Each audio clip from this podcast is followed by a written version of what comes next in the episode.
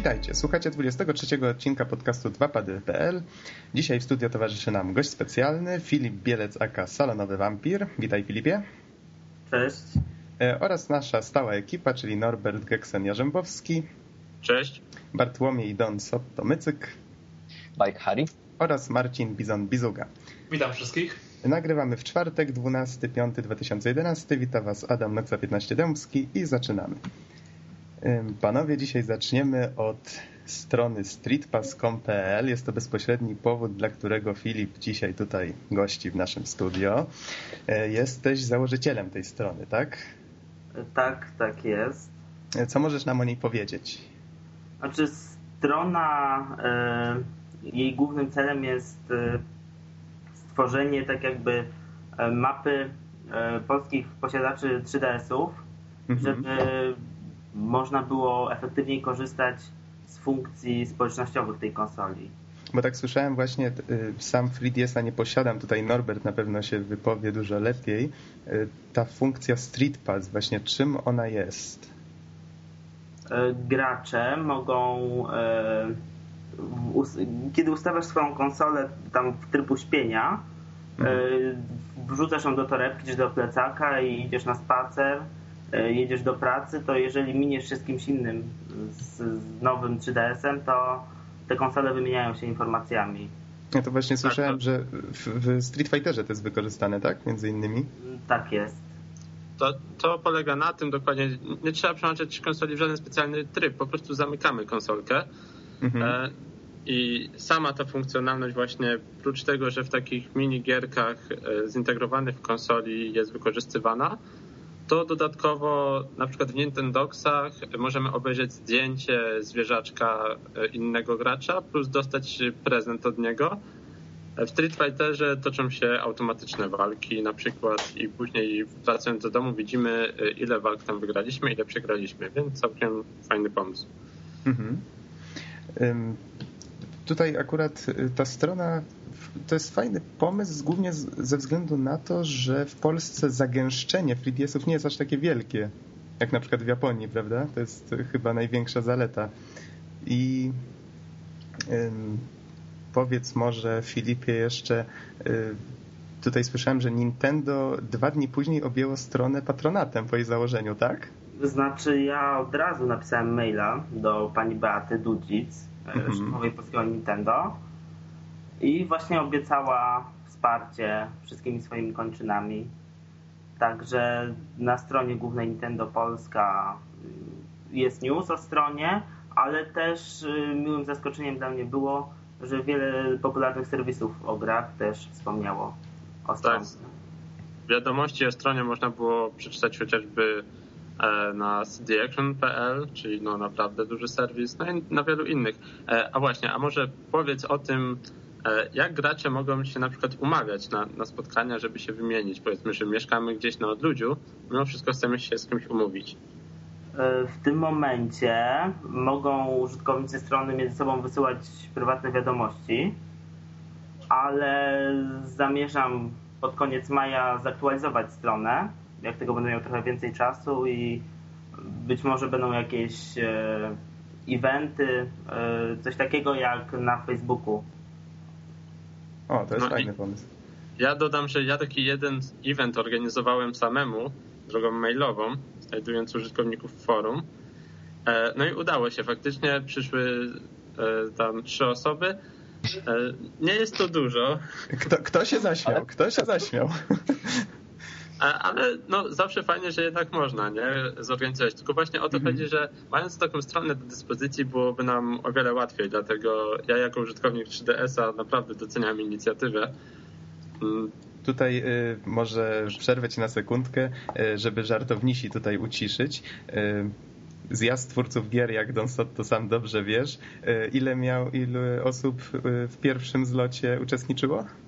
Y, zacznijmy od tego, że nie był to typowy zjazd twórców gier, tylko spotkanie y, kilku znajomych i osób było 13.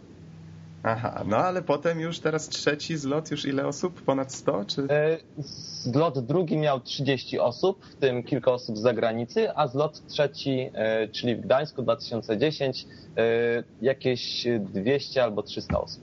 No widzicie, więc jeżeli się tylko chce, to nie, a ten, ten mój event to był taki, wiecie, typowo e, wysyłam maila do pięciu osób najbliższych z okolicy, no i trzy przyszły z tych pięciu. To nie to, że wiecie, że ja rozsyłałem na całą Polskę, mhm. tylko to, to, były takie typowe maile prywatne, nie? Tak, ale to właśnie takie, takie, wiesz, małe inicjatywy i właśnie taka strona e, taka... jak właśnie Street Pass Filipa, to, to jest właśnie taki zalążek e, takich spotkań i one potem z czasem mogą się faktycznie rozrastać. No właśnie. To są inicjatywy, które warto wspierać. Moim zdaniem fajną funkcją byłoby możliwość na przykład oznaczenia, że w każdy piątek w danym miejscu spotyka się grupka. Myślę, że z czasem by się wyrobiła taka stała grupka bywalców, mhm. gdyż e, ta funkcja Street Pass działa nie tylko za pierwszym razem, ale także kiedy spotykamy kogoś któryś raz z rzędu. Tak, tak, tam też e, w 3DS jest tam Mi Plaza, ten wbudowany soft e, i tam zbierają się te mi wszystkich osób, które spotkaliśmy. Mi to są te awatary, tak? Tak, tak, tak. tak. Mhm. Tam nie ma żadnych prywatnych informacji. Właśnie, warto też wspomnieć o, o po prostu aspekcie bezpieczeństwa na stronie, ponieważ zaznaczamy swoją lokację ręcznie, e, ale przy zakładaniu konta, czy, gdzieś później w notatkach jest wyraźnie zaznaczone, to może powiedz, e, w jaki sposób rozwiązana jest kwestia bezpieczeństwa, żeby ktoś nam do domu nie przyszedł e, kraść 3DS-u. No właśnie, na początku na niektórych serwisach były takie głosy, że e, będą, ta strona będzie rajem dla złodziei, którzy będą wiedzieć, gdzie kryją się konsole e, Nintendo 3DS i będą przychodzić i kraść. E, ale wystarczy zaznaczyć swoją lokalizację nie w miejscu, gdzie mieszkamy, tylko w okolicy, na przykład w centrum miejscowości. Mhm. E, no Nawet... wiadomo, że wtedy faktycznie jest to taki ogólny pogląd na to, ile, ilu użytkowników danego sprzętu jest w mieście, prawda, a nie w konkretnych no, miejscach. Dokładnie, a poza tym 3DS myślę nie jest jakimś ciekawym łupem dla złodziei. E, już jakby ktoś się miał włamać do mieszkania, to myślę zabierze ci komputer albo telewizor. No Zaprosimy tak. następnym razem jakiegoś specjalistę w tej dziedzinie. Tak, ale... Już włączę. E, tak sobie popatrzyłem i mhm. w sumie ostrzeżenie jest bardzo trafne i jak najbardziej uzasadnione, ale już zobaczyłem, że jeden użytkownik zaznaczył dokładnie domek, który na której ulicy, więc... Ale to nie musi... Różnie to bywa. No ale to, to każdy oznacza, wiesz, musisz oznaczyć punktowo swoją pozycję, ale ja zaznaczyłem po prostu kilka ulic dalej. Ktoś wie po prostu, które dzielnicy mieszka mniej więcej. Okradną kogoś innego. Słucham? Kogoś innego przez ciebie okradnę. Pójdę do niego i mówię, dawaj 3DS-a, nie? Nie, nie, nie mam 3DS-a, nie gram, nie gram, w ogóle nie gram. Oj, tak tutaj myślicie, że Polska jest takim bandyckim krajem. No Ale nie, ja jeżdżę ze swoją konsolą wyciągniętą tramwajem i nikt mi jeszcze jej nie wyrwał z ręki, także... O. No ja ostatnio w autobusie też pogrywam, bo mam niestety dłuższe dojazdy ostatnio. E, no i też no, bez problemu. Ja w sumie ze swojego DS-a to korzystałem w transporcie jedynie mm, jak pociągiem jechałem. W takich tramwaje czy autobusy to raczej nie, nie, nie w moim to przypadku. To się nazywa kolejowy. kolejowy DS. Oj, tak, jestem bardzo związany ze swoim DS-em, taki najstarszy model. A właśnie, powiedzcie mi może, chyba że jeszcze chcecie coś dodać o stronie bezpośrednio. A nie, to znaczy, ja mogę dodać od siebie, mhm. że generalnie bardzo fajna opcyjka jest zrobiona. Mamy zwyczajną mapkę, jak na przykład na Zumi.pl czy Google Maps, I o tyle jest dobrze zrobiona, dlatego że mamy e, powiedzmy, jeśli oglądamy ogólny widok Polski, to wtedy mamy całą Polskę i niebieskie, zielone kwadraty z liczbą osób, które mieszkają w danej okolicy. Wystarczy kliknąć na ten dany kwadrat i wtedy automatycznie mamy powiększenie E, i w ten sposób na przykład przechodzimy do, do widoku bardziej szczegółowego, no i znowuż tam mamy kilka kwadratów, na przykład dwie osoby, klikam na Zieloną Górę i dowiedziałem się właśnie, że w Zielonej Górze i w Sulechowie, czyli w miejscowości blisko, są dwie osoby, które mają taką konsolę. Więc myślę, że jest to bardzo, bardzo fajnie zorganizowane. Ja na przykład tutaj widzę, że Norbert gra w tej okolicy. Wspaniale. Jeszcze brakuje tylko czy to, zrobić czy to prawda, że masz, czy to prawda, że masz odpalonego teraz... Przepraszam, że ci przerwałem, no to może powtórz, bo... tylko brakuje radaru, który będzie pokazywał to wszystko w czasie rzeczywistym. Właśnie, y, jak to działa z, z synchronizacją czasową, Filipie? Ale to... To znaczy? Ja myślę, że po prostu użytkownicy sobie zaznaczają w profilu, no i już tak jest. Czy to tak, tak. pokazuje, kto gra w danym momencie, czy to po prostu pokazuje... Nie, nie, nie. Niestety Iwata nie dał mi takiego dostępu Aha, rozumiem. do softu. Mhm. Nie, to, to po prostu oznaczasz sobie na mapce ręcznie, nie? Gdzie, w jakiej okolicy... Roberta już zlokalizowałem. Mogłoby się jeszcze przydać ewentualnie funkcja trasy, którymi się często jeździ, ale to mogłoby być już znowu bezpieczeństwo. Zwłaszcza, że ostatnio, nie wiem czy słyszeliście, okazało się, że w komórkach na Androidzie, czy jeszcze w jakichś modelach... I na iPhone'ach. I na iPhone'ach, właśnie. Y, zapisywał do roku czasu trasę, jaką przebywał właściciel i się oczywiście podniósł wielki szum o to, że dane i tak dalej, i tak dalej, które nie powinny być przekazywane, są gdzieś tam wysyłane. Oczywiście... Przynajmniej Bin Ladena znaleźli przez przypadek. to oczywiście żarcik.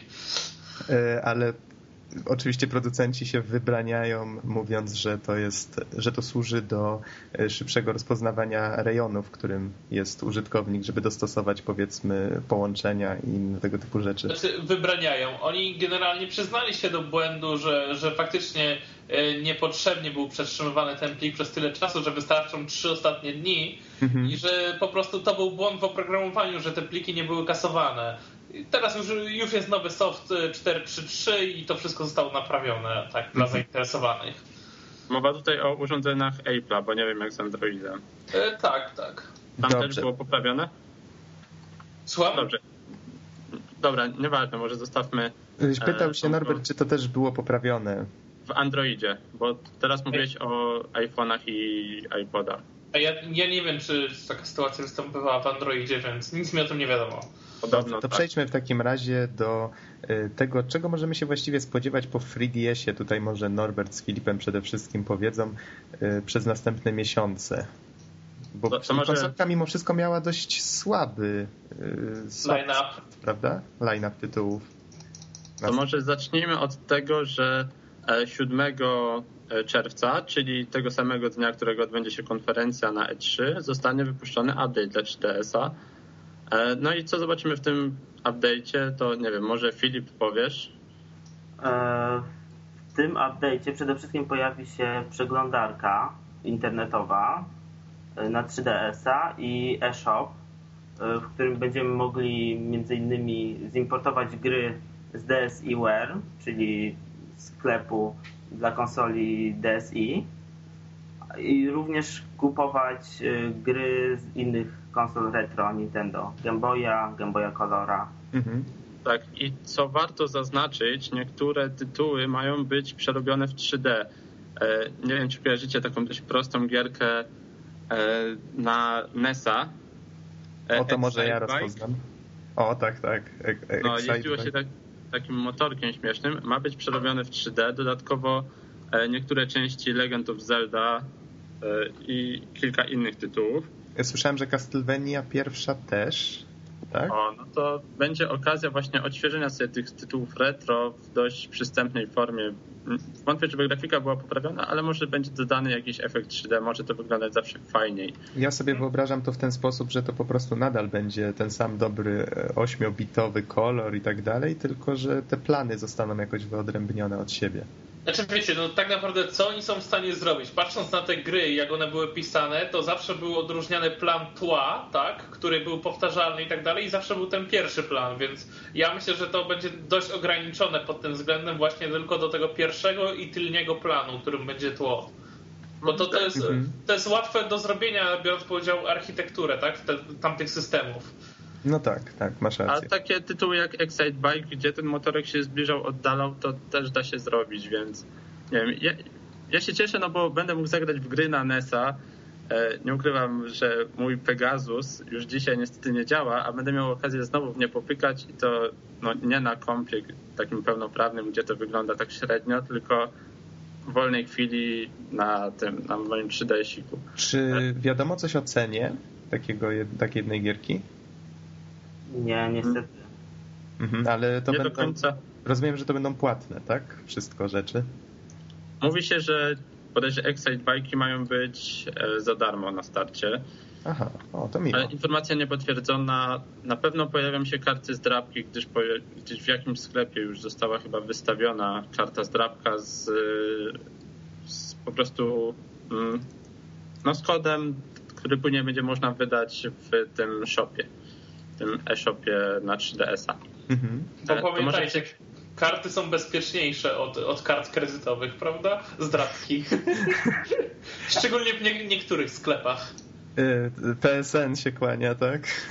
No niestety.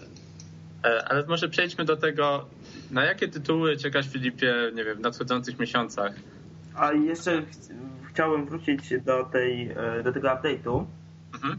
Bo właśnie e, nie wiadomo, czy w tym update'cie wreszcie będziemy mogli ustawić Polskę jako nasz kraj na 3DS-a. Żartujecie, że nie ma czegoś takiego. Znaczy teraz można ustawić Polskę, ale nie można wtedy korzystać z funkcji Street Pass. Aha. ale numer. A dlaczego? Na jakiej zasadzie to działa? Ma jakieś znaczenie? Znaczy po prostu wszystkie funkcje bezprzewodowe konsoli nie działają, jeżeli ustawimy Poland. A jeśli ustawimy Niemcy, to będą działać? Dyskryminacja tak. po prostu. Tak. Ja, ja jestem Austriakiem w tym momencie. A dodatkowo to, to, nie ma żadnego znaczenia tak naprawdę, jaki kraj ustawimy, bo w każdej chwili możemy go zmienić. To, to dla mnie też jest swego rodzaju absurd. No, właśnie. Znaczy, to samo jest na Wii. O, mów dom. W ogóle zastanawiam mnie, dlaczego zostało to wprowadzone. I te limity, dlaczego powiedzmy ustawię sobie Polskę, no i nie ma tej opcji, ustawię sobie Austrię i jest, chociaż jestem w Polsce. Znaczy w Austrii Nintendo działa od dłuższego czasu, a Polska została zauważona dopiero niedawno, że istniejemy. No mhm. tak, ale to nie jest żaden problem wprowadzenia tej opcji, tak? To, to, to nie jest żadne naruszenie praw udostępnienia nam tego. Nie no, racja, racja. Więc to jest każdym... takie po prostu, nie wiadomo po co w ogóle taki zabieg. W każdym razie, skoro mówisz, że udało ci się skontaktować właśnie z osobą odpowiedzialną za e, zarządzanie poczynaniami Nintendo w Polsce, to może po prostu zapytamy któregoś razu. No właśnie wysłałem do pani Beaty dzisiaj maila, ale nie odpowiada jeszcze, także... Mhm dyplomatyczna no, cisza. nie minęło. Mhm. A to jeszcze tak, jeżeli jesteśmy przy kwestiach update'u, to warto wspomnieć, że będą też dostępne gry z Game Boya, z Game Boya Colora, e, z Game Geara. Niestety nie kojarzę tego systemu zbyt dobrze. W każdym razie z innych starszych konsol Nintendo, takie jak klasyki. Mhm. Mm. No, a może przejdźmy do tych pełnoprawnych tytułów. Tak. Oj tak, czyli Resident Evil, um, jak on się nazywał? Revelations? Znowu zapomniałem. W najbliższym czasie ukaże się Mercenaries. Aha. E, tylko nie wiem, podobno ma być to wersja dość uboga. Nie wiem, ty Adam dokładnie chyba wiesz, gdyż masz więcej ja się, ja się orientuję pi razy drzwi, co to będzie, bo tryb Mercenaries pojawiał się już do tej pory w Resident Evil. Ja grałem w niego w piątce. Wiem, że w czwórce chyba też był. Polega to na tym, że mamy arenę, na której walczymy z przeciwnikami, którzy bez przerwy nacierają. W piątce był jeszcze taki tryb, który polegał na tym, że przeciwnicy co prawda nacierali, ale walczyło się między sobą. I przeciwnicy przede wszystkim służyli do zbierania broni. Takie bardzo, bardzo dziwne, mm, taki bardzo nietypowy tryb, który sprawiał wrażenie, jakby został dorzucony do tej gry trochę na siłę, bo ona jednak jest stworzona do gry po singlu. No zobaczymy, jak to się zmieni tutaj. Myślę, że raczej nie bardzo. Poza tym, że dodali możliwość chodzenia i celowania jednocześnie. Tutaj fani od razu zwrócili na to e, uwagę. E, a tak to zostali wykorzystani przeciwnicy, których już znamy, i modele, które już znamy, plansze. Więc to tak naprawdę. A mogę zapytać, e, co to Aha. za gatunek jest gry, na jakiej zasadzie, jak wygląda rozgrywka? Może tak to jest, to jest gra akcji TPP celujesz, strzelasz do zombiaków albo innych tego typu stworów. Z elementami platformówki? Y, troszkę, ale bardzo uproszczonych. Czyli podchodzisz do krawędzi i naciśnij przycisk, żeby skoczyć na tej zasadzie. Aha. Więc to raczej nie nic skomplikowanego. Y, to, na co warto liczyć, to to, że jednak na 3DS-ie bardzo fajnie będzie się grało z y, innymi. Tylko, że to już ciężko mi teraz spekulować, jak to będzie wyglądało. Na pewno przez internet gra się ciekawie na PS3 w tą grę, tylko trzeba jednak, e, jednak przywyknąć trochę do jej dziwactw. No zobaczymy, jak będzie w tym przypadku. Ja bardziej czekam na Resident Evil kurczę, znowu zapomniałem. Hmm? Revelations, czyli tej pełnoprawnej kontynuacji piątki. No tak bardziej na fabułę stawiam w tym przypadku. Mhm. To może ja powiem, na co ja czekam. Już niedługo w Europie, to zaraz wam zaraz sprawdzę i podam dokładnie. W każdym razie czekam na najnowszą część, e, znaczy odgrzewaną, w cudzysłowie, część e, Zeldy. E, nie przeszedłem jej na Nintendo 64, grałem kiedyś na emulatorze, ale tylko chwilkę. I no, nie udało mi się ukończyć. E, no i teraz jak będzie na 3DS-ie odświeżona grafika, bardziej przystępne, tam pewne, pewne, na pewno będą jakieś usprawnienia w sterowaniu mas... między innymi, tak? Jest masa newsów o tym, co dokładnie będzie usprawnione, ale to są, wiecie, takie szczegóły, szczególiki. Niestety nie znam tego na pamięć, e, ale to będzie tytuł, który na pewno kupię. Mhm. Zastanawiam się tylko, czy w Polsce będą takie dodatki do preorderów jak za granicą. Mianowicie na przykład w Grecji dodają e, od pudełek na 3DS-a po takie mini repliki okarynek i, i nasionka drzewa deku. Jednego, o. no, które jest no. ważne w fabule gry. Mhm. Te, te, nasionka to jakiś taki, nie wiem, czy to są takie zwykłe nasiona w jakiejś torebce ozdobnej, czy to jakoś tak inaczej pomyśleli? Zna... Słabo przefotoshopowany, e, przefotoshopowana puszka i to chyba będą po prostu nasiona jakiegoś drzewa w tej puszce. Aha. Potem się okaże, że ktoś sprawdził, a tam por. To Grecy dodają takie. Mhm. No, ale pomysł, pomysł na pewno dość nietypowy. Czy, tak, się jeszcze ukazać... spodziewać? To tak jeszcze dodam, że gra ma się ukazać w okolicach 17 czerwca. Mhm. O, to już niedługo niedługo, ale zarazem w sklepie jeszcze nie podają, czy, czy właśnie będzie w Polsce też jakiś dodatek do preorderów. E, kolejnym tytułem, na który warto czekać jest Dead or Alive. Tak mi się wydaje. Dimensions. Tak. Mm, pojawiają się już pierwsze recenzje w japońskiej prasie, takie przedpremierowe. No i tam się zdarzają oceny na poziomie 8-9, więc myślę, że Street Fighter będzie miał mocnego konkurenta. A właśnie, może Filip, z tego co się orientuje, ty posiadasz Street Fightera i jakie wrażenia? No, gra jest bardzo fajna.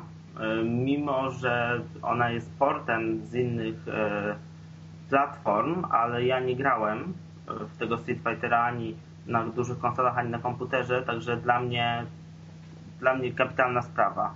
Mhm. Ja miałem okazję grać właśnie w wersję, właściwie posiadam wersję Super Street Fighter 4 na PS3. Grałem przez chwilkę, dosłownie nie na swoim sprzęcie, w wersję 3DS. E, grafika oczywiście trochę odstaje. Główny plan wygląda bardzo fajnie. Tak mniej więcej jest odpowiednikiem właśnie jakości z dużych konsol, ale już na przykład postacie w tle wszystkie są zrobione jako sprite'y, czyli płaskie. Tak, tak. Płaskie grafiki y, testowałem też opcję 3D, tą taką zwykłą i jeszcze ten taki specjalny widok, gdzie kamera jest trochę bliżej jednej postaci ustawiona. Jest to fajny patent, choć myślę, że jak ktoś dobrze zna tą grę już y, z dużych konsol, to będzie to raczej dla niego taka ciekawostka, jeżeli chciałby na przykład grać w podróży. Mhm, to ja wam powiem, że mm, ja na przykład mam Splinter Cella 3D, mm, no i prasa generalnie zjechała tą grę ostro za to, że jest tak naprawdę tym samym, czym był Splinter Cell na PC-tach czy na innych platformach. Tylko, że ja tak samo nie grałem w Splinter Cella na żadnej platformie wcześniej. No i gra mi się ogólnie podoba. Nie powiem, że jest rewelacyjna i wgniata w fotel, e, ale jest to dość dobra gra, skradanka, więc e, to jest problem, bo często na przykład y, koledzy mnie proszą, żeby pokazać im jakąś fajną grę mhm. w 3DS-ie, ja im pokazuję i pierwsze co, wyciągają pistolet i chcą się, wiecie, strzelać jak w normalnej grze, a co się ginie po kilku strzałach, więc no, na to nie ma co liczyć, ale gra mi się podobała, ale nie porównuję jej do tego, co było we wcześniejszych tych wydaniach. E, to może tak jeszcze przylećmy po liście gier, jakie mają się niedługo ukazać. Mhm, tak, żeby przejść już jeszcze tak pokrótce do newsów. Mhm. To, to wspomnij to, tylko. To e, FIFA 2012, to tak troszkę później. W listopadzie ma się ukazać kolejna część Metal Gear, będzie się nazywać, a nie, Metal Gear, przepraszam, -hmm. Metal Gear Solid 3D. Na E3 zostanie zaprezentowane Super Mario 3D. Ma mieć podobno bardzo fajne sterowanie, mianowicie, ponieważ nie ma drugiego analoga w 3DS-ie, problem drugiego analoga ma być rozwiązany przez budowany w konsoli żyroskop. Mhm. Czyli, że konsola jest w stanie określić, w którą stronę ją przesuwamy i co z nią robimy w danym momencie. Ciekaw jestem, jak to się sprawdzi. Mhm. E, no i około września, może troszkę wcześniej ma się ukazać Cave Story 3D. E, o, na to no, czekam. No, ja też. No i czekający na przetłumaczenie, gdyż w Japonii już jest profesor Lighton. A, to też może być fajne. Więc... Co do Cave Story, ja mam takie pytanie. E, ja rozumiem, że 3D to będzie po prostu dorobienie tej pięknej głębi w tych poziomach, które już są, a nie przerobienie gry na trzy wymiary. E, nie będzie gra trójwymiar, tak? No mów, mów, mów. E, gra nie będzie trójwymiarowa, ale cała oprawa audiowizualna zostaje odświeżona i znacznie, znacznie poprawiona. Oj tak, jak zobaczyłem obrazek, to mi dech zaparło. Będzie ładnie. Nie wiem, jeszcze o czymś chcesz wspomnieć, Filip, może? O czym zapomniałem? E, no, ma jeszcze ukazać się we wrześniu Harvest Moon. To o. jest też dosyć e, znany tytuł na DS-a. Mhm, symulator farmy. Czy farmera tak raczej. Wszyscy w Polsce kochamy. Tak ja bardzo lubię. Grałem na jeszcze w czasach Game Boya Colora na emulatorze w to i i spędziłem przy tym masę godzin. Swoje też przesiedziałem. Co tam jeszcze? Y, I w październiku Kitty Carius, A, który ten... był zapowiadany jako jeden z tytułów startowych na 3DS, ale... Mhm. To jest odświeżenie bardzo starej marki z NES-a, o ile dobrze pamiętam. Tak jest. Dokładnie. A i jeszcze byśmy zapomnieli o tytuł, który został tak właściwie dzisiaj ukazany, e, Crashed, czyli Crash 3D. E, bardzo fajnie prezentująca się gra logiczna, w której e, na zmianę mamy świat trójwymiarowy e, i dwuwymiarowy. Taki patent troszeczkę zapożyczony pewnie z Paper Mario, ale tutaj się domyślam tylko. Tak, no jest to troszkę inaczej jest Nox akurat z tym. Bo tutaj możemy świat sobie obracać w dowolnym kierunku i wtedy taki świat trójwymiarowy, powiedzmy, że obracamy widok z góry, mm, jakby to opisać? Kurczę, bardzo trudne do opisania. Ale zamieścimy zwiastun pod... No, może będzie prościej. W każdym razie jesteśmy w stanie przemieścić świat w dowolnym kierunku, od góry, od boku, od dołu. W ten sposób dostosowywać sobie platformy i później ten świat trójwymiarowy jakby spuszczamy do świata dwuwymiarowego, dzięki czemu e, jakieś tam przeszkody i tak dalej albo zostają wtedy pominięte w tym świecie dwuwymiarowym, albo właśnie można ich ominąć i musimy z powrotem wrócić do trójwymiaru. No, myślę, że jak słuchacze zobaczą e, na zwiastunie, to bardziej łatwiej będzie im to zrozumieć. Tak, no. ale idea wygląda dość ciekawie. No mówię, ja grałem w tą gierkę na PSP, jak była na PSP kilka lat temu ładnych. Aha.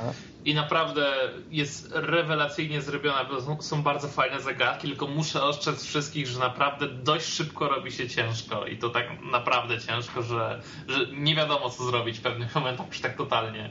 Mhm, ale gra nie będzie portem wydanej w 2007, tak?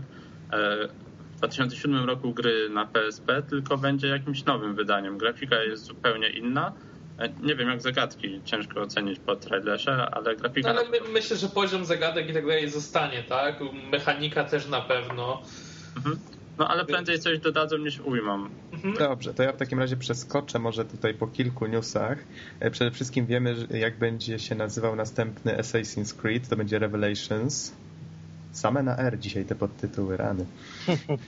E, znowu pokierujemy... Jakaś klątwa, albo Rayman. Znowu pokierujemy naszym polskim Edziem, znaczy Ezio Auditore da Firenze.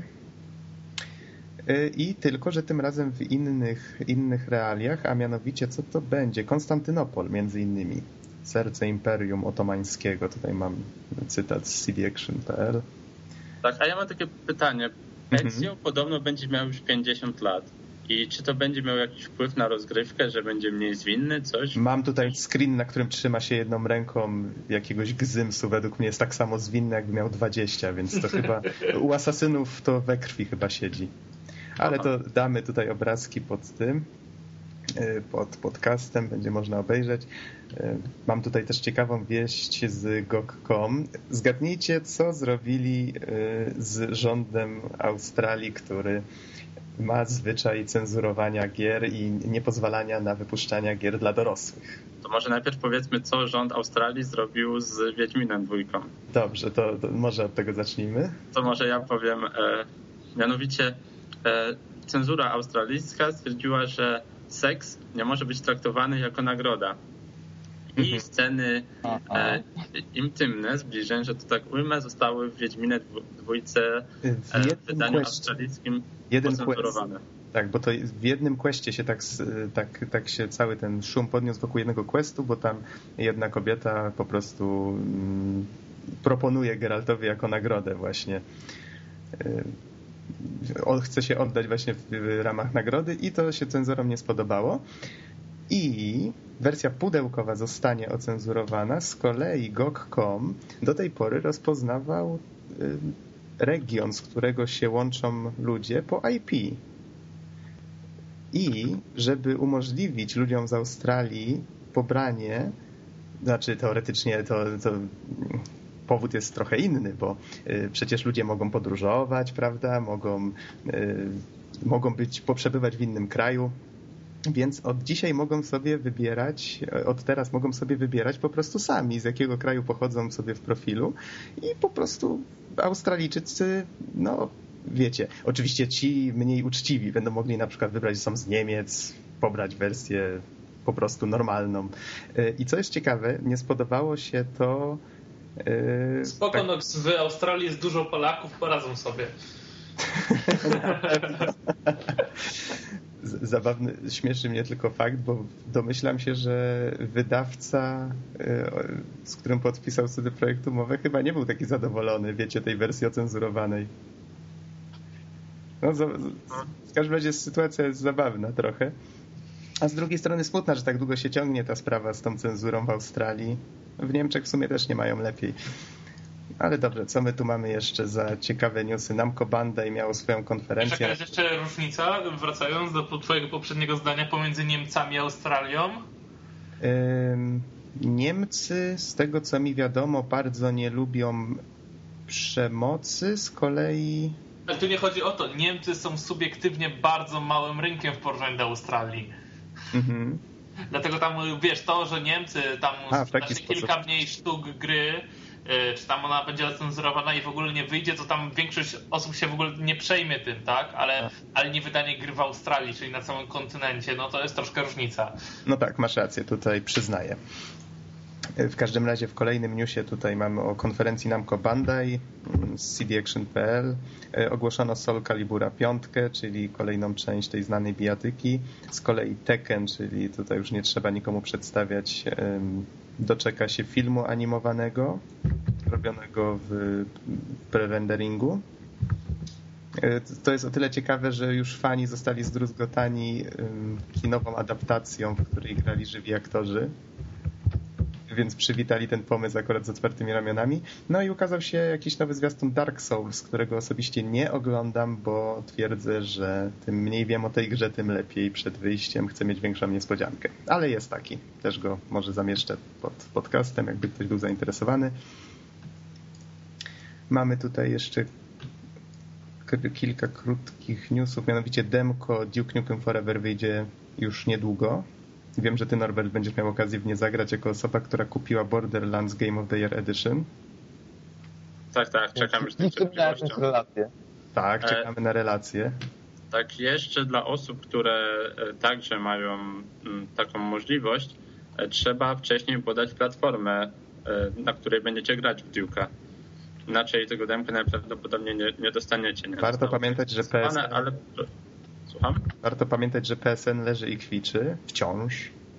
Tak, więc może jednak wróćcie do swoich e, kochanych blaszaków Xboxów i, i tym razem wiecie, zdecentralizowany rynek może jednak pomóc. Ja mam propozycję dla wszystkich. Weźcie sobie Xboxa za złotówkę z Neti sprzedajcie PlayStation, akurat, akurat będzie na, na abonament w net i aha, aha. Ja cały... jeszcze będziecie mieli za darmo telefon i internet. Ja cały czas wierzę, że rano się obudzę i wszystko będzie działać.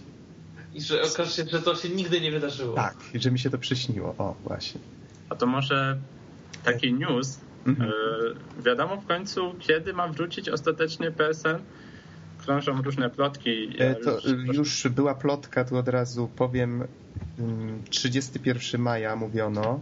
Sęk w tym, że już Sony to tą plotkę stwierdzili, że to nie jest wcale żaden termin, że to możliwe, że to potrwa jeszcze trochę, ale że to nie musi trwać aż do 31, więc to, to była prawdopodobnie tylko plotka. Y, zobaczymy. Wiecie, to, to tak naprawdę wszystko teraz, wszyscy teraz spekulują, nikt nie wie, co się dzieje. Y, polecam zaglądać po prostu na oficjalny blog PlayStation. Ja tego nie robiłem od paru dni, więc możliwe, że coś tam ciekawego się już ukazało.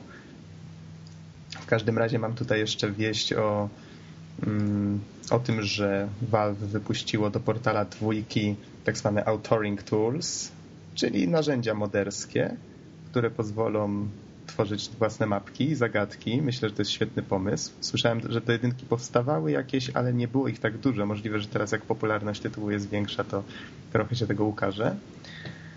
I jeszcze zamieszczę pod podcastem taki dość nietypowy filmik promujący właśnie Resident Evil Mercenaries, o którym żeśmy wspomnieli, zrobiony na, na wzór takiej audycji telewizyjnej, newsów tak, wieczornych. To, to może ja opowiem tak na szybko. E, jest reporter, hmm, choć nie wiem, czy chcę zdradzać całość. Nie, nie, może nie mów całości. Powiem tylko początek. E, RETV, czyli e, jak to niektórzy rozwijają Resident Evil TV. Mamy reportera, który siedzi sobie w studio i drugiego reportera, który jest w terenie. No i opowiada ten w terenie o tym, co się tam dzieje, że są zamieszki i właśnie najemnicy starają się to opanować. E, no i po pewnym czasie dorywają go zombiaki, ale na tym e, cały trailer się nie kończy, gdyż później jest dość fajne, humorystyczne zakończenie, które polecam obejrzeć. No, zależy dla kogo humorystyczne, ale jest e, niezłe, jak ktoś lubi dobrą makabrę. Ale jest wesoło. I jeszcze tutaj chciałem o jednej rzeczy koniecznie wspomnieć, mianowicie o Rayman Origins o którym słuch zaginął od ostatnich E3, kiedy został zdradzony po raz pierwszy, że tam ktoś nad nim pracuje. A konkretnie ojciec serii, czyli Michael Ansel. Gra miała być wydawana w częściach. Tym razem okazuje się, że jednak plany się trochę zmieniły. Gra wyjdzie w wersji pudełkowej, prawdopodobnie będzie już w całości. Jest planowany koop na czterech graczy no, pewnie więcej dowiemy się teraz y, na nadchodzących targach E3 w Los Angeles, więc ja osobiście czekam. Mhm. Ciekaw jestem, co z tego wyjdzie. A wy się nie boicie troszkę tego, że jednak na Raymana jesteśmy już za starzy i ciężko nam to będzie przyjąć? Wiesz, jak zobaczyłem ten zwiastun poprzedni, to powiem ci szczerze, oni celują w taki trochę zwariowany klimat, który myślę, że spodoba się ludziom w różnym wieku. A przynajmniej taką no. mam nadzieję, że tak to będzie wyglądało. No właśnie tak zauważyłem, że raczej idą w styl komiksowy, który jest, no powiedzmy, będzie zaakceptowany przez trochę młodszych y, graczy, ale myślę, że ja na pierwszy rzut oka na pewno lepiej byłbym y, w stanie y, zaakceptować ten styl niż powiedzmy tam Rayman 2, bo zobaczyłem sobie ostatnio recenzje i screeny i tak stwierdziłem, że to nie to. Nie, Rayman 2 był taki fajny, bajkowy. Poza tym miał świetny i bardzo trudny element platformówkowy. Znaczy właściwie był platformówką, która była strasznie trudna, ale też satysfakcjonująca. Ja koniec dobrze, te dobrze. elementy no. takie, latanie na tym pocisku i tak dalej. Oj tak, to tylko prawdziwe hardkory takie rzeczy przechodzą w całości. A, ja ukończyłem. O, gratuluję. Jesteś hardcorem. Witaj w klubie. Mówię od internetu zaraz. Dobrze, to przejdźmy może do dwóch głównych gier tego, tego odcinka podcastu, mianowicie do Portala dwójki i Mass Effecta jedynki. Yy, powiedzcie, czy ktoś grał tutaj w pierwszego Portala? Ja powiem tak. Widziałem tylko trailer i w związku z tym e, będę mieć e, parę pytań do ciebie, jeśli chodzi o Portala, więc przygotuj się na dużo mówienia. Dobrze, to od twoich pytań zaczniemy, ale najpierw powiedzcie, czy graliście? Ja grałem, spaliłem zasilacz podczas grania, tak długo grałem. A właśnie, a na jakich, platformach, na jakich platformach żeście grali? Bo gra wyszła na PC i na Xboxa, dobrze mówię? Y, tak, jest na Xboxie na Xbox Live Arcade oraz w Orange Box też występuje, tyle że e, na Xbox Live Arcade jest Still Alive, który chyba zawiera dodatkowe plansze, z tego co wiem. A, i przepraszam, wyszła też na PlayStation 3, ale to był właśnie ten port Orange Boxa, który był krytykowany za słabą jakość. I taka ciekawostka, e, Valve obiecało już na poprzednich E3, że wersja na portala dwójka będzie najlepszą wersją. Sprowadza się to do tego, że połączyli e, Steama, czyli tą swoją platformę, na której sprzedają gry, z PSN-em. To znaczy... Znaczy to, czy to zrobili, to nikt nie wie, bo nikt tego nie widział. Tak, teraz w tej chwili tego nikt nie widział. Strasznie się nieszczęśliwie złożyło z tym PSN-em, że on padł akurat w dniu premiery portala, portala dwójki. E, niemniej e, jest to o tyle fajne rozwiązanie, że gra działa i na PS3, i na PC, i na Macach. Mogą grać ze sobą w koopie przez internet właśnie e, osoby z tych wszystkich platform i można przechowywać savey na serwerach Valve i one funkcjonują na wszystkich trzech platformach, więc według mnie to jest bardzo fajne rozwiązanie i mam nadzieję, że Valve będzie je e, dalej propagować w swoich grach. No, ale tak, to... Szkoda tylko, że tak mało tych gier, także to, to nie będzie jakiś bardziej rozszerzony standard tak naprawdę, no bo Valve ile wydaje tych gier, no ale zawsze wydaje fajne gry. A, ale... Nie, no, nie, tego nie można powiedzieć tak samo jak Blizzard, tak? Tylko te, mhm. też ile oni wydają tych gier, tak? No, to jest to sama zasada.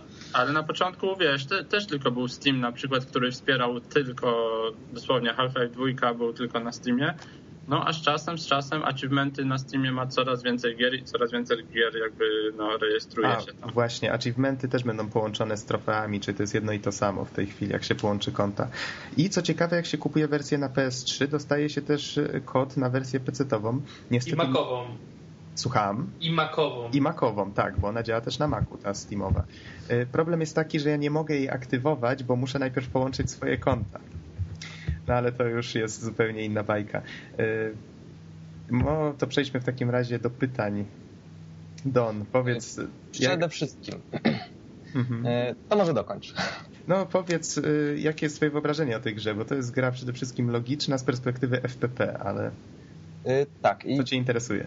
Mm, oglądałem portala jedynkę, gameplay te pierwsze elementy, tam więc nie było tego za dużo. Mhm. Z tego, co wywnioskowałem, to jesteśmy postacią, y, która ma nie wiem, to jest jakiś obiekt badany, to jest, nie wiem, jakiś pacjent, który testuje się inteligencję. Fabu fabuła, to jest ciekawe, że Valve nawet z gry logicznej potrafi zrobić y, jakąś taką nietypową historię.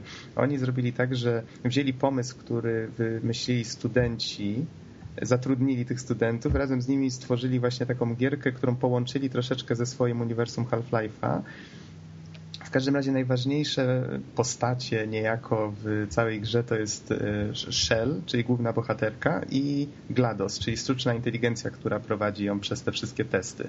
I tutaj nie zdradzając wiele powiem, że tam później się ciekawe rzeczy dzieją i ze zwykłej łamigłówki robi się e, coś bardzo ciekawego, taka walka o przetrwanie w pewnym sensie. E, dobrze i taka rzecz kolejna. Mamy do dyspozycji różne bronie jedną z najbardziej charakterystycznych jest y, maszynka, która robi portale. E, to jest jedyna, to jest jedyna broń w grze, o ile można ją nazwać bronią.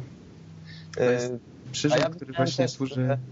Widziałem też, że może na przykład podnosić przedmioty, zmieniać ich kształty, E, nie, nie, nie, nie. Aż tak, aż tak daleko to nie, ale tak, możesz podnosić przedmioty, czyli zagadki w sumie ograniczały się w jedynce do tego, że e, co już i tak było dużym osiągnięciem, możesz postawić tym dwa portale, z czego każdy niejako jest, e, prowadzi do drugiego, czyli nieważne, czy przykleisz go do ściany po lewej lub drugi do sufitu, one są bezpośrednio połączone. Wskoczysz do jednego, wyskoczysz drugim.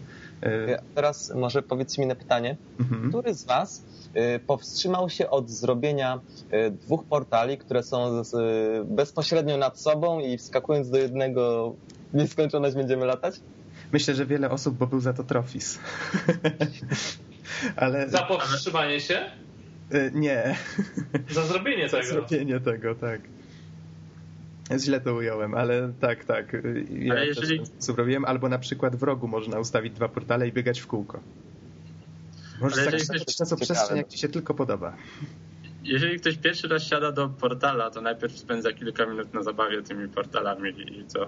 Twórcy bardzo fajnie zrobili, zresztą przyznają to, znaczy opowiadają, jak do tego doszło w komentarzu odautorskim. Oni mają taki zwyczaj właśnie umieszczania takich komentarzy, można je włączyć w grze y, i uświadamiają w jaki sposób musieli opracowywać etapy, żeby gracz miał jak najłatwiej zrozumieć zasadę funkcjonowania tego wynalazku już od samego początku, tak etap po etapie. W każdym razie tutaj wracając do dwójki, y, co tu właściwie powiedzieć o tej dwójce, poza tym, że to jest świetny sequel? No jest więcej... No właśnie, y, poczekaj, może ja ci zadam pytanie.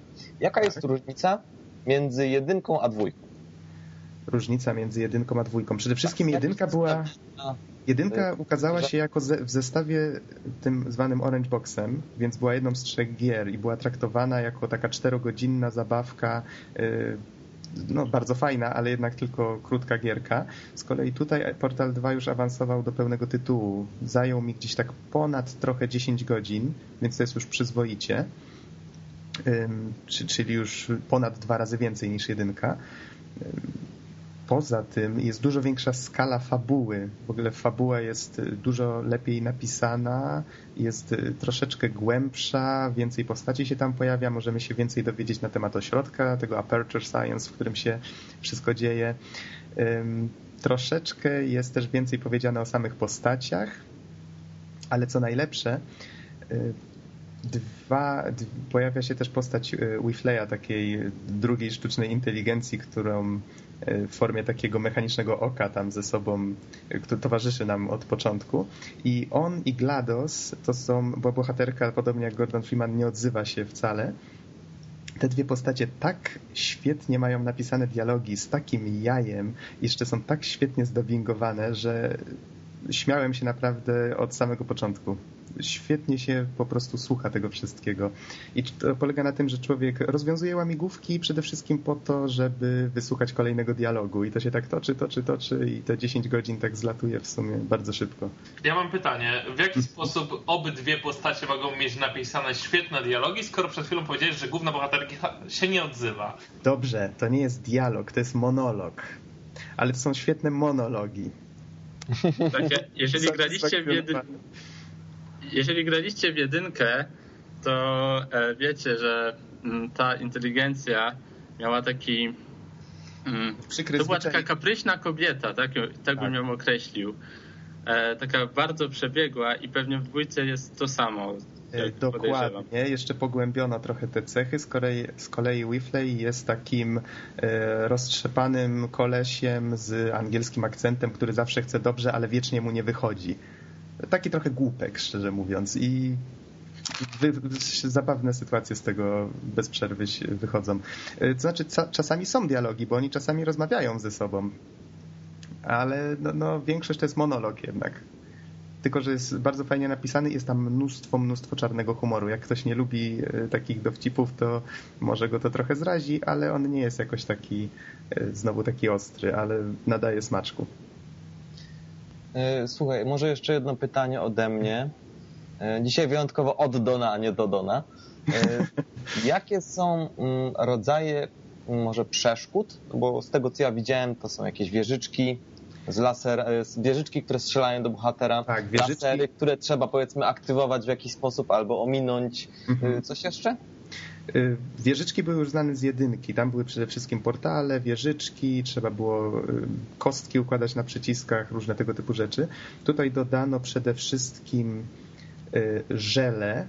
Mamy żel bąsujący, na którym skaczemy, za którego pomocą się odbijamy od powierzchni. Mamy rozpędzający, dzięki któremu szybciej biegniemy. Mamy ścieżki grawitacyjne, które umożliwiają nam przenoszenie na przykład tych żeli w powietrzu albo innych obiektów. E, są też takie ścieżki świetlne, które po prostu służą jak chodniki. To wszystko oczywiście, wszystkie te rzeczy możemy też przenosić portalami, więc jeżeli zrobimy portal na przykład przy rurze wylotowej z żelem, to możemy drugim portalem rozlać go po całej planszy. To jest też niezła zabawa. Czy o czymś zapomniałem? No i lasery właśnie, o których wspomniałeś. Jest, jest tego dość sporo. Mam wrażenie, że i Valve nie do końca wykorzystało potencjał tych wszystkich rzeczy. Myślę, że te zagadki mogłyby być dużo, dużo trudniejsze.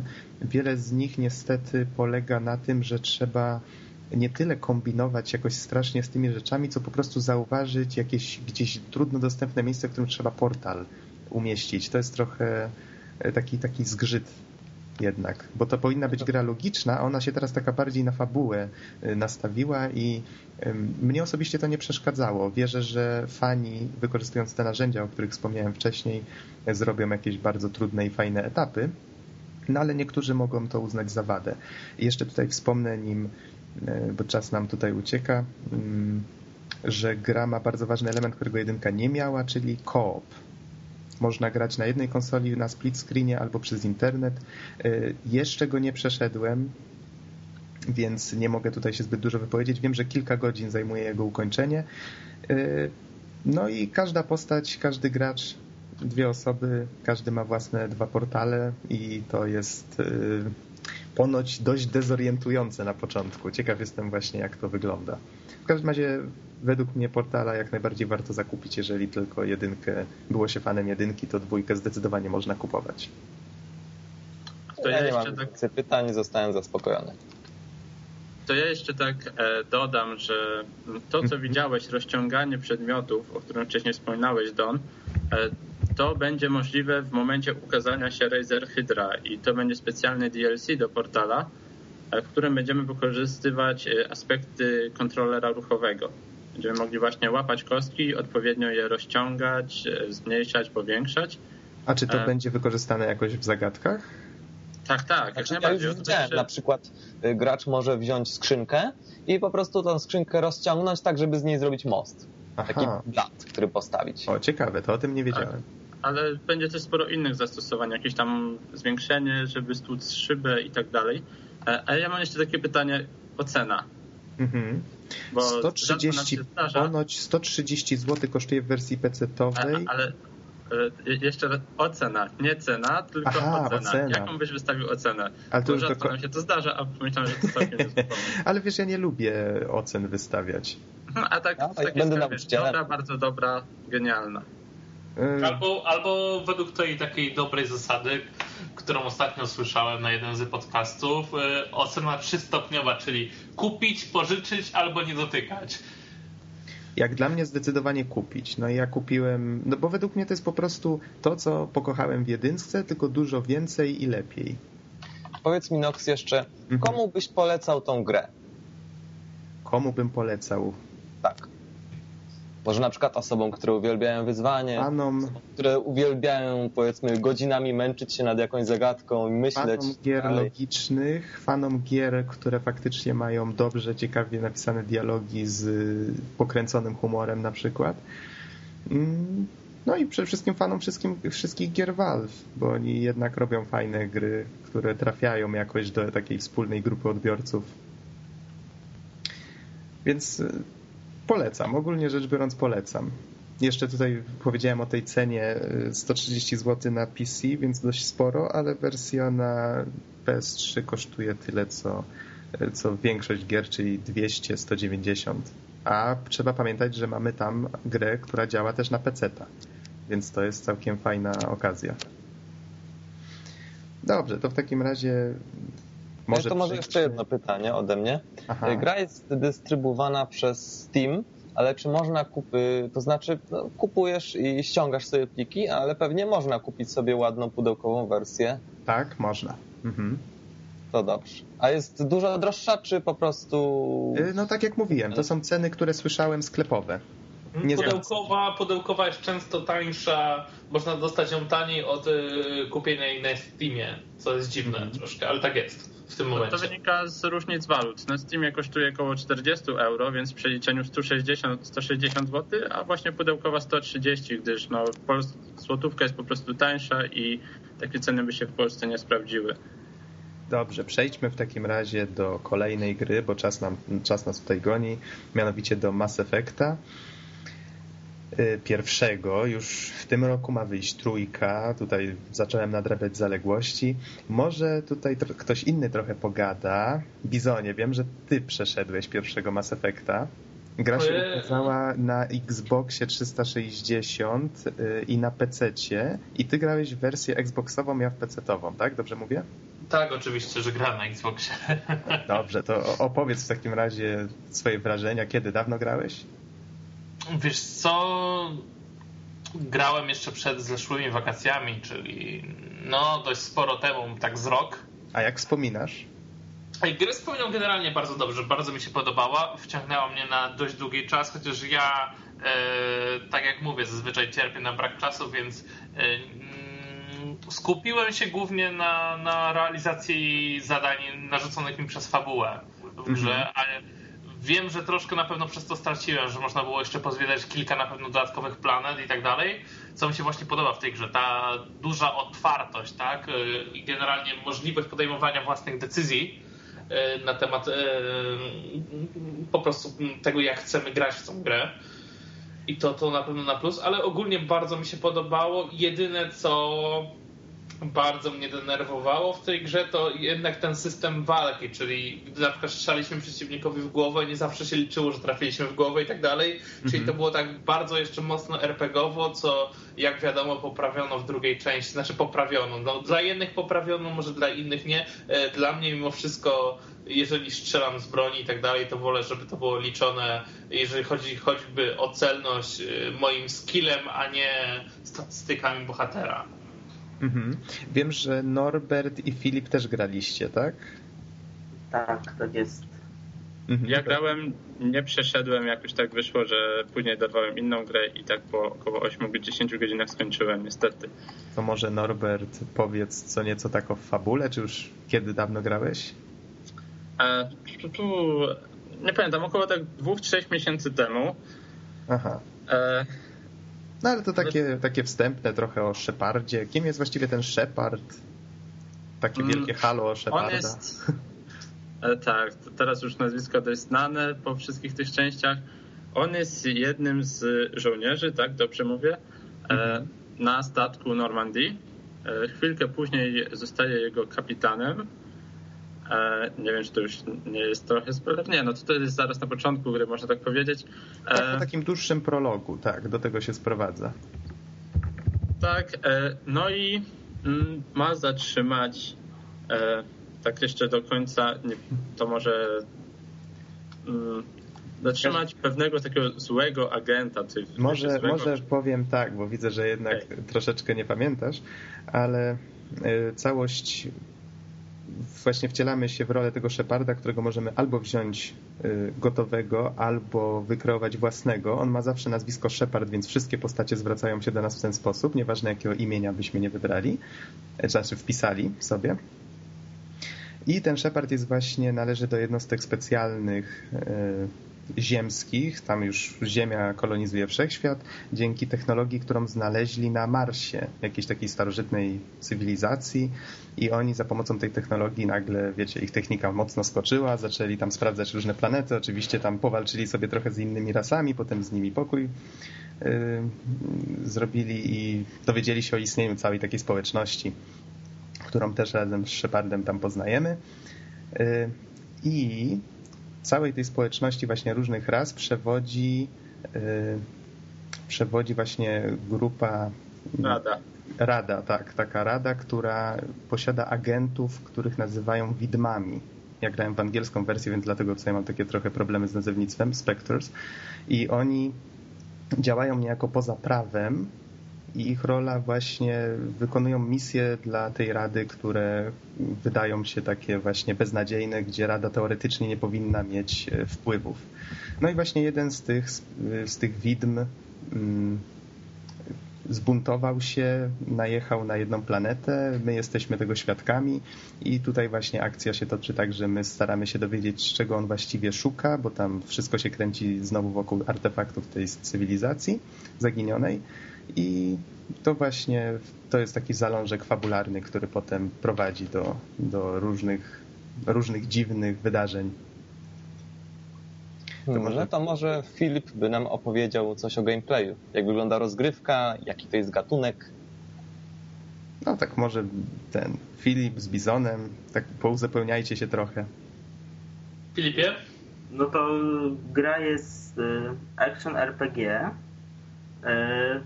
Y, mamy, chociaż RPG ciężko to nazwać, tak do końca, takim rasowym, ale chodzimy tym naszym Shepardem, zbieramy drużynę. Y, jest dużo takich fragmentów, gdzie eksplorujemy lokacje i rozmawiamy z postaciami, a w innych znowu biegamy z pistoletem Mhm, bo to jednak y, przypomina, ludzie mówią, że to jest RPG, bo to teoretycznie tam się wcielamy w postać, prowadzimy rozmowy, rozwijamy tą swoją drużynę, ale jednak jest to przede wszystkim gra akcji, prawda?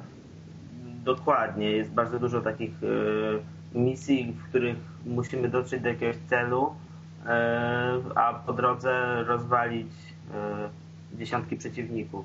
Mhm. I tutaj mamy właśnie taki widok typowy TPP, celowanie, trochę zabawne jest to, że przez pierwszą godzinę odruchowo po wystrzeleniu paru strzałów naciskałem R, żeby przeładować. Tam żadne bronie nie potrzebują czegoś takiego jak magazynek, one po prostu muszą się studzić.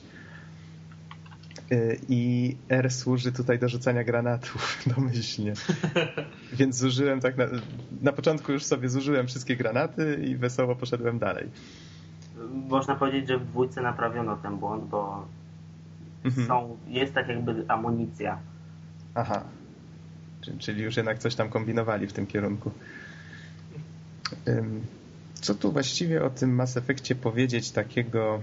No chyba najważniejsze to jest jednak ten system dialogów, tak? W całym tym Mass Effectie, który...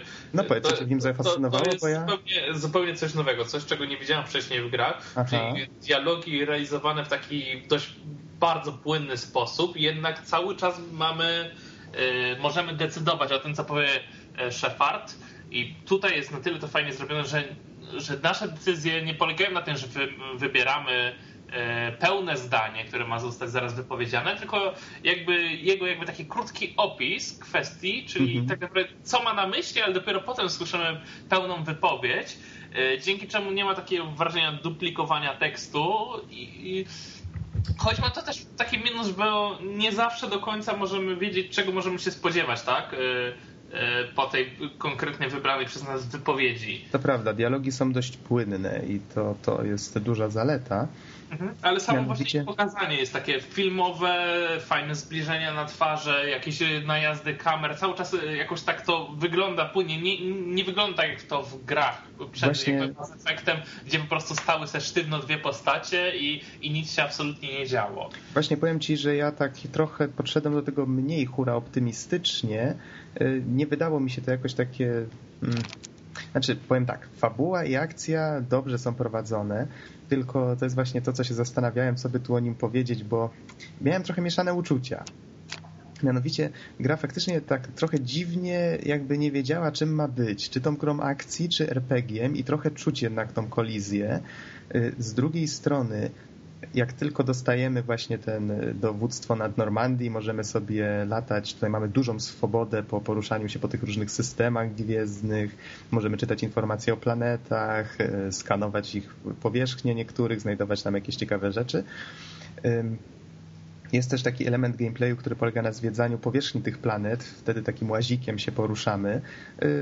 Początkowo wydaje się to dość ciekawe rozwiązanie, ale na dłuższą metę wszystkie zadania dodatkowe w tej grze są tak piruńsko nudne. I co ciekawe, budowniczowie wszechświata widocznie stwierdzili, że jeden magazyn, jedna jaskinia i bodajże e, jedna kopalnia starczy na cały wszechświat. To znaczy one są, tylko one są tak powielane fajnie. To jest bez przerwy ten sam to samo wnętrze i na każdej planecie dosłownie to samo. Wiesz, to jest taki test psychologiczny dla gracza. Czy Aha. się zorientuje, jaka będzie reakcja? No moja była taka, że po kilku godzinach faktycznie powiedziałem nie, nie, starczy już tych zadań dodatkowych. Po kilku godzinach Nox się już zorientował. Tak, po kilku godzinach się mój mózg powiedział mi, że coś jest nie tak i że starczy tych zadań dodatkowych. Y, z kolei muszę bardzo pochwalić y, główną linię fabularną. Faktycznie każda misja, bo jednak gra jest podzielana tak na misję, tak trochę jak, jak właśnie jak gry akcji, wykonywane na różnych planetach. I faktycznie każda z nich różni się znacząco od pozostałych i niektóre nawet bardzo fajne są te miejscówki. Mm, I to jest faktycznie duży plus. Tam są jakieś tak dwa wybory może w grze, które faktycznie trochę ciężko podjąć. To też mi się podobało. I faktycznie mamy wrażenie, że mamy wpływ na, na postacie, na to, co o nas myślą. To też mi się bardzo podobało. Więc jednak tego RPGa trochę tam jest tylko gameplayowo gra bardziej tak właśnie y, idzie w stronę tej akcji. Y, słuchajcie, chyba, chyba trochę e, się rozkojarzyłem i nie usłyszałem, a widok gry? TPP. Mhm. TPP. Tak. Y, zawsze towarzyszy nam dwóch kompanów. Wybieramy ich przed misją. Tak mamy dostęp do bodajże sześciu postaci. Nie chcę skłamać, ale są to postacie z różnych ras E, więc e, mamy okazję to uniwersum poznać z ich punktu widzenia, rozmawiając z nimi, bo zawsze między misjami mamy możemy się przejść po Normandii, możemy właśnie dowiedzieć się, co załoga myśli na temat e, tego, co się dzieje wokół. I czasami mamy nawet możliwość wykonania misji pobocznej związanej właśnie z wątkiem danej postaci. Nie jest tego dużo, niestety, mogłoby być więcej, ale to też wpływa na to, jak na przykład dana postać będzie na nas patrzyła według mnie widać, że mieli fajne pomysły. Może gdyby więcej czasu mieli na ich realizację, to gra byłaby jeszcze bogatsza. Ale powiedzcie mi, jak, y, jak to się ma do dwójki? Czy w dwójce dużo się zmieniło? E, ja grałem w dwójkę, znaczy męczę ją dalej, chcę przejść wszystkie poboczne misje, zanim wyruszę na ostateczną, no zanim popchnę fabułę do samego końca. Mhm. E, z najważniejszych rzeczy, które się zmieniły, to właśnie obecność amunicji. Tak jak w jedynce bronie się nagrzewały, tak w dwójce e, amunicją są pochłaniacze ciepła. E, ale nie ma problemu z ich dostępem. Wypadają, jak zabijemy przeciwnika, to on tam zostawia po sobie jakieś tych pochłaniaczy. Mhm. A czy fabuła jest bardziej rozbudowana, czy zadania Właśnie poboczne? Fabuła mnie rozczarowała, ponieważ jest nieco płytsza. Aha. E, tak jak w jedynce yy, odkrywamy tą fabułę i jesteśmy trochę zaskoczeni tym, co później nas e, czeka, to w dwójce od początku praktycznie wiemy, co będziemy robić i nie wiem, może na końcu mnie ta gra zaskoczy jakoś, ale mhm. nie spodziewam się. Bo sam muszę przyznać, że jedynka tak naprawdę też wolno się rozkręcała. Na początku nie, nie wzięła mnie tak z zaskoczenia. Raczej troszeczkę tak e, starała się, ale nie za bardzo jej to wychodziło. Dopiero pod koniec, tak jak mówisz, e, fabuła nabiera rozpędu i faktycznie kilka faktów, których się dowiadujemy, trochę zmienia postać rzeczy i na wszystko patrzymy trochę inaczej. To, to jest dobra cecha. E, bardzo fajne jest też, że powracają postaci z jedynki. Mhm i możemy zimportować save'a z jedynki i niektóre nasze decyzje mają konsekwencje. O, to, to jest bardzo fajna rzecz. Na, Na pewno z tego skorzystam. Życie niektórych postaci. Mhm, czyli, czyli ktoś może umrzeć lub. No lub jeżeli nie. ktoś zginął w jedynce, to w dwójce go nie będzie. Mhm. Mhm. To, to jest fajny patent. Właśnie ten sam patent będzie wykorzystany teraz w Wiedźminie. Nie powiedzieliśmy o tym, że w poniedziałek będzie wieczór wiedźminowski, noc wiedźminowska przedpremierowa. Kto z was się wybiera? To... Ja się ja wybieram. taką wielką kartonową postać Wiedźmina w supermarkecie i na tym się skończyła moja wiedza o tej nocy. W każdym razie ja się wybieram w Łodzi w manufakturze. Wiem, że Norbert w Warszawie, tak? W tak, tak. Złotych Tarasach. Tak, w Warszawie na placu przed Złotymi Tarasami, nie Aha. w samych Złotych, tylko mm, ci, którzy tam mieszkają w okolicy na pewno kojarzą tą małą e, muszlę koncertową, to e, tak, to tam będzie się wszystko odbywać. E, I z takich atrakcji, prócz premiery i możliwości zakupu samej gry, jakichś specjalnych gadżetów, to będzie pokaz walk wiedźmińskich, jak to zostało określone, czyli no, na pewno jakiś pokaz walk na miecze, może być ciekawie. Mhm. Dodatkowo ma być koncert rockowy, nie podali jaki zespół, ale możliwe, że e, któryś na przykład z tych, który promuje samą grę Wiedźmin, ponieważ w Polsce jakieś tam dwa utwory muzyczne są w ramach promocji. Mhm. No Zobaczymy, postaram się zamieścić e, relację jakoś następnego dnia, może troszkę później. Z, z no to ja dorzucę tam parę słów na temat tego, jak to wyglądało w Łodzi, choć nie spodziewam się tutaj żadnych rewelacji. To pewnie będzie taki bardziej, wiecie, taki przedpremierowa noc. Coś w tym rodzaju. E, w każdym razie, wracając do tematu, może tak słowem podsumowania. Sądzicie, że warto zapoznać się z Mass Effectem i tak sobie nastukać tych save'ów właśnie jedynkę, dwójkę przed ukazaniem się trójki, czy raczej to jest taka seria trochę przereklamowana? Co jak sądzicie? Ja myślę, że to jest najlepszy RPG ostatnich lat. Mhm. Y, mimo mojej całej sympatii do JRPG-ów, to zdecydowanie Mass Effect przez ostatnie lata wygrał i, I, mm, to jest taka troszkę inne podejście do robienia RPGów, ale moim zdaniem właśnie y, dzięki temu dużo lepiej przeżywamy historię i tak to się powinno po prostu robić. Mhm. A Filipie? Ja polecam. Co ty uważasz? Dla mnie też pozycja obowiązkowa. Gra się tak, jakby się czytało dobrą książkę. Albo oglądało dobry film akcji, prawda?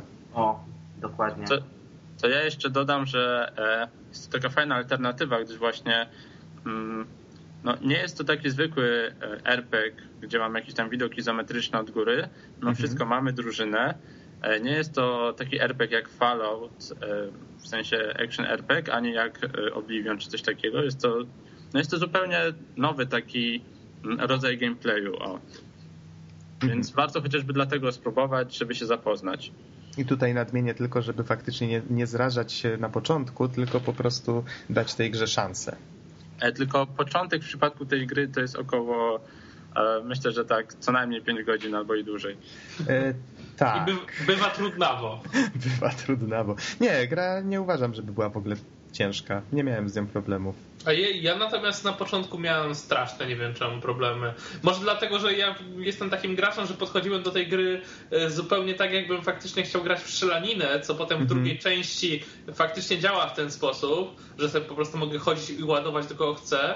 To tak w jedynce bez zarządzania tymi specjalnymi umiejętnościami E, tak, one dość mocno pomagają. E, to generalnie się praktycznie nie da grać, dlatego ja się przyznam bez bicia, że grałem przez to najniższym poziomie i wrzuciłem sobie również automatyczne zarządzanie skillami Aha. bohaterów, że w ogóle sobie nie, nie, nie zakrzątać tym głowy i po prostu przechodzić sobie dalej fabułę i wkręcać się w tą historię, a po prostu nie bawiąc się w te e, e, właśnie aspekty techniczne RPG, mhm. akurat w tym wypadku. No ja akurat y, grałem infiltratorem, więc miałem te umiejętności dodatkowe i tam zacząłem z nich korzystać, jak zaczęło się robić trudno. Czy grałeś? Penetratorem? Infiltrator, bodajże ta klasa się tak nazywała. Trzy klasy są chyba. Soldier, Infiltrator, jest jeszcze jakaś trzecia, która korzysta z takich trochę innych umiejętności, nie tyle magicznych, co bioniczne, tutaj się to chyba nazywało, związane z, ze wszczepami. A, biotyczne. O, dziękuję. Biotyczne. Rozumiem, to jest takie dosyć nietypowe science fiction. To, to a tak, to jest w ogóle tutaj sporo nawiązań do różnych e, właśnie znanych science fiction, ale to już może... Naprawdę to jest uniwersum na miarę Gwiezdnych Wojen, moim zdaniem. E, znaczy jest spójne, to trzeba przyznać i fajnie się komponuje. To jest, to jest bardzo fajny, fajna cecha tej gry, że jednak jeżeli ktoś lubi dobre science fiction, to to na pewno jest... Mhm. I świetnie są zrobione te modele różnych ras. Mhm. Rewelacyjnie wyglądają. No, tylko problem jest w tym, że jest atak klonów niekiedy. No jest, ale, ale każda rasa naprawdę jest fajnie wymyślona, tak. fajnie wymodelowana i naprawdę podczas filmików i tak dalej. W ogóle trzeba przyznać, że grafika jest niezła. Znaczy teraz już troszeczkę na, na dzisiejsze standardy może już może głowy nie urwie, ale i tak wygląda bardzo dobrze. Tak, jeszcze jak jest nałożony na to ten filtr ziarnistości filmowej i te światła, wszystkie są tak fajnie rozmazane. Y, taki, taki nietypowy filtr jest właśnie na to nałożony. Tak trochę kojarzy się z, nie wiem, filmami z Marsa, czy czy z Księżyca właśnie. Takie, tak, wygląda to jakby to światło się inaczej... Ten filtr można wyłączyć w ogóle. Jakby to światło się nie załamywało, tak? No, no być może, ale ja grałem z tym i to całkiem sympatycznie wygląda. W każdym razie myślę, że polecamy, tak? No to wiecie co, tak mi trochę smaka narobiliście na tą grę. Jestem bardzo ciekaw, co z tego wyjdzie. No, to zagraj. Może też nam opowiesz, co o niej sądzisz. A my Więc będziemy... Już jedna, taki... osoba, już jedna osoba się przekonała. A, mission complete. Dobrze, w takim razie będziemy już kończyć. E, dziękujemy Wam za słuchanie i zapraszamy do następnego podcastu. Trzymajcie się. Na razie. I, przede wszystkim dziękuję przede wszystkim jeszcze Filipowi, że tutaj do nas dołączył. Też trzymajcie się i do usłyszenia.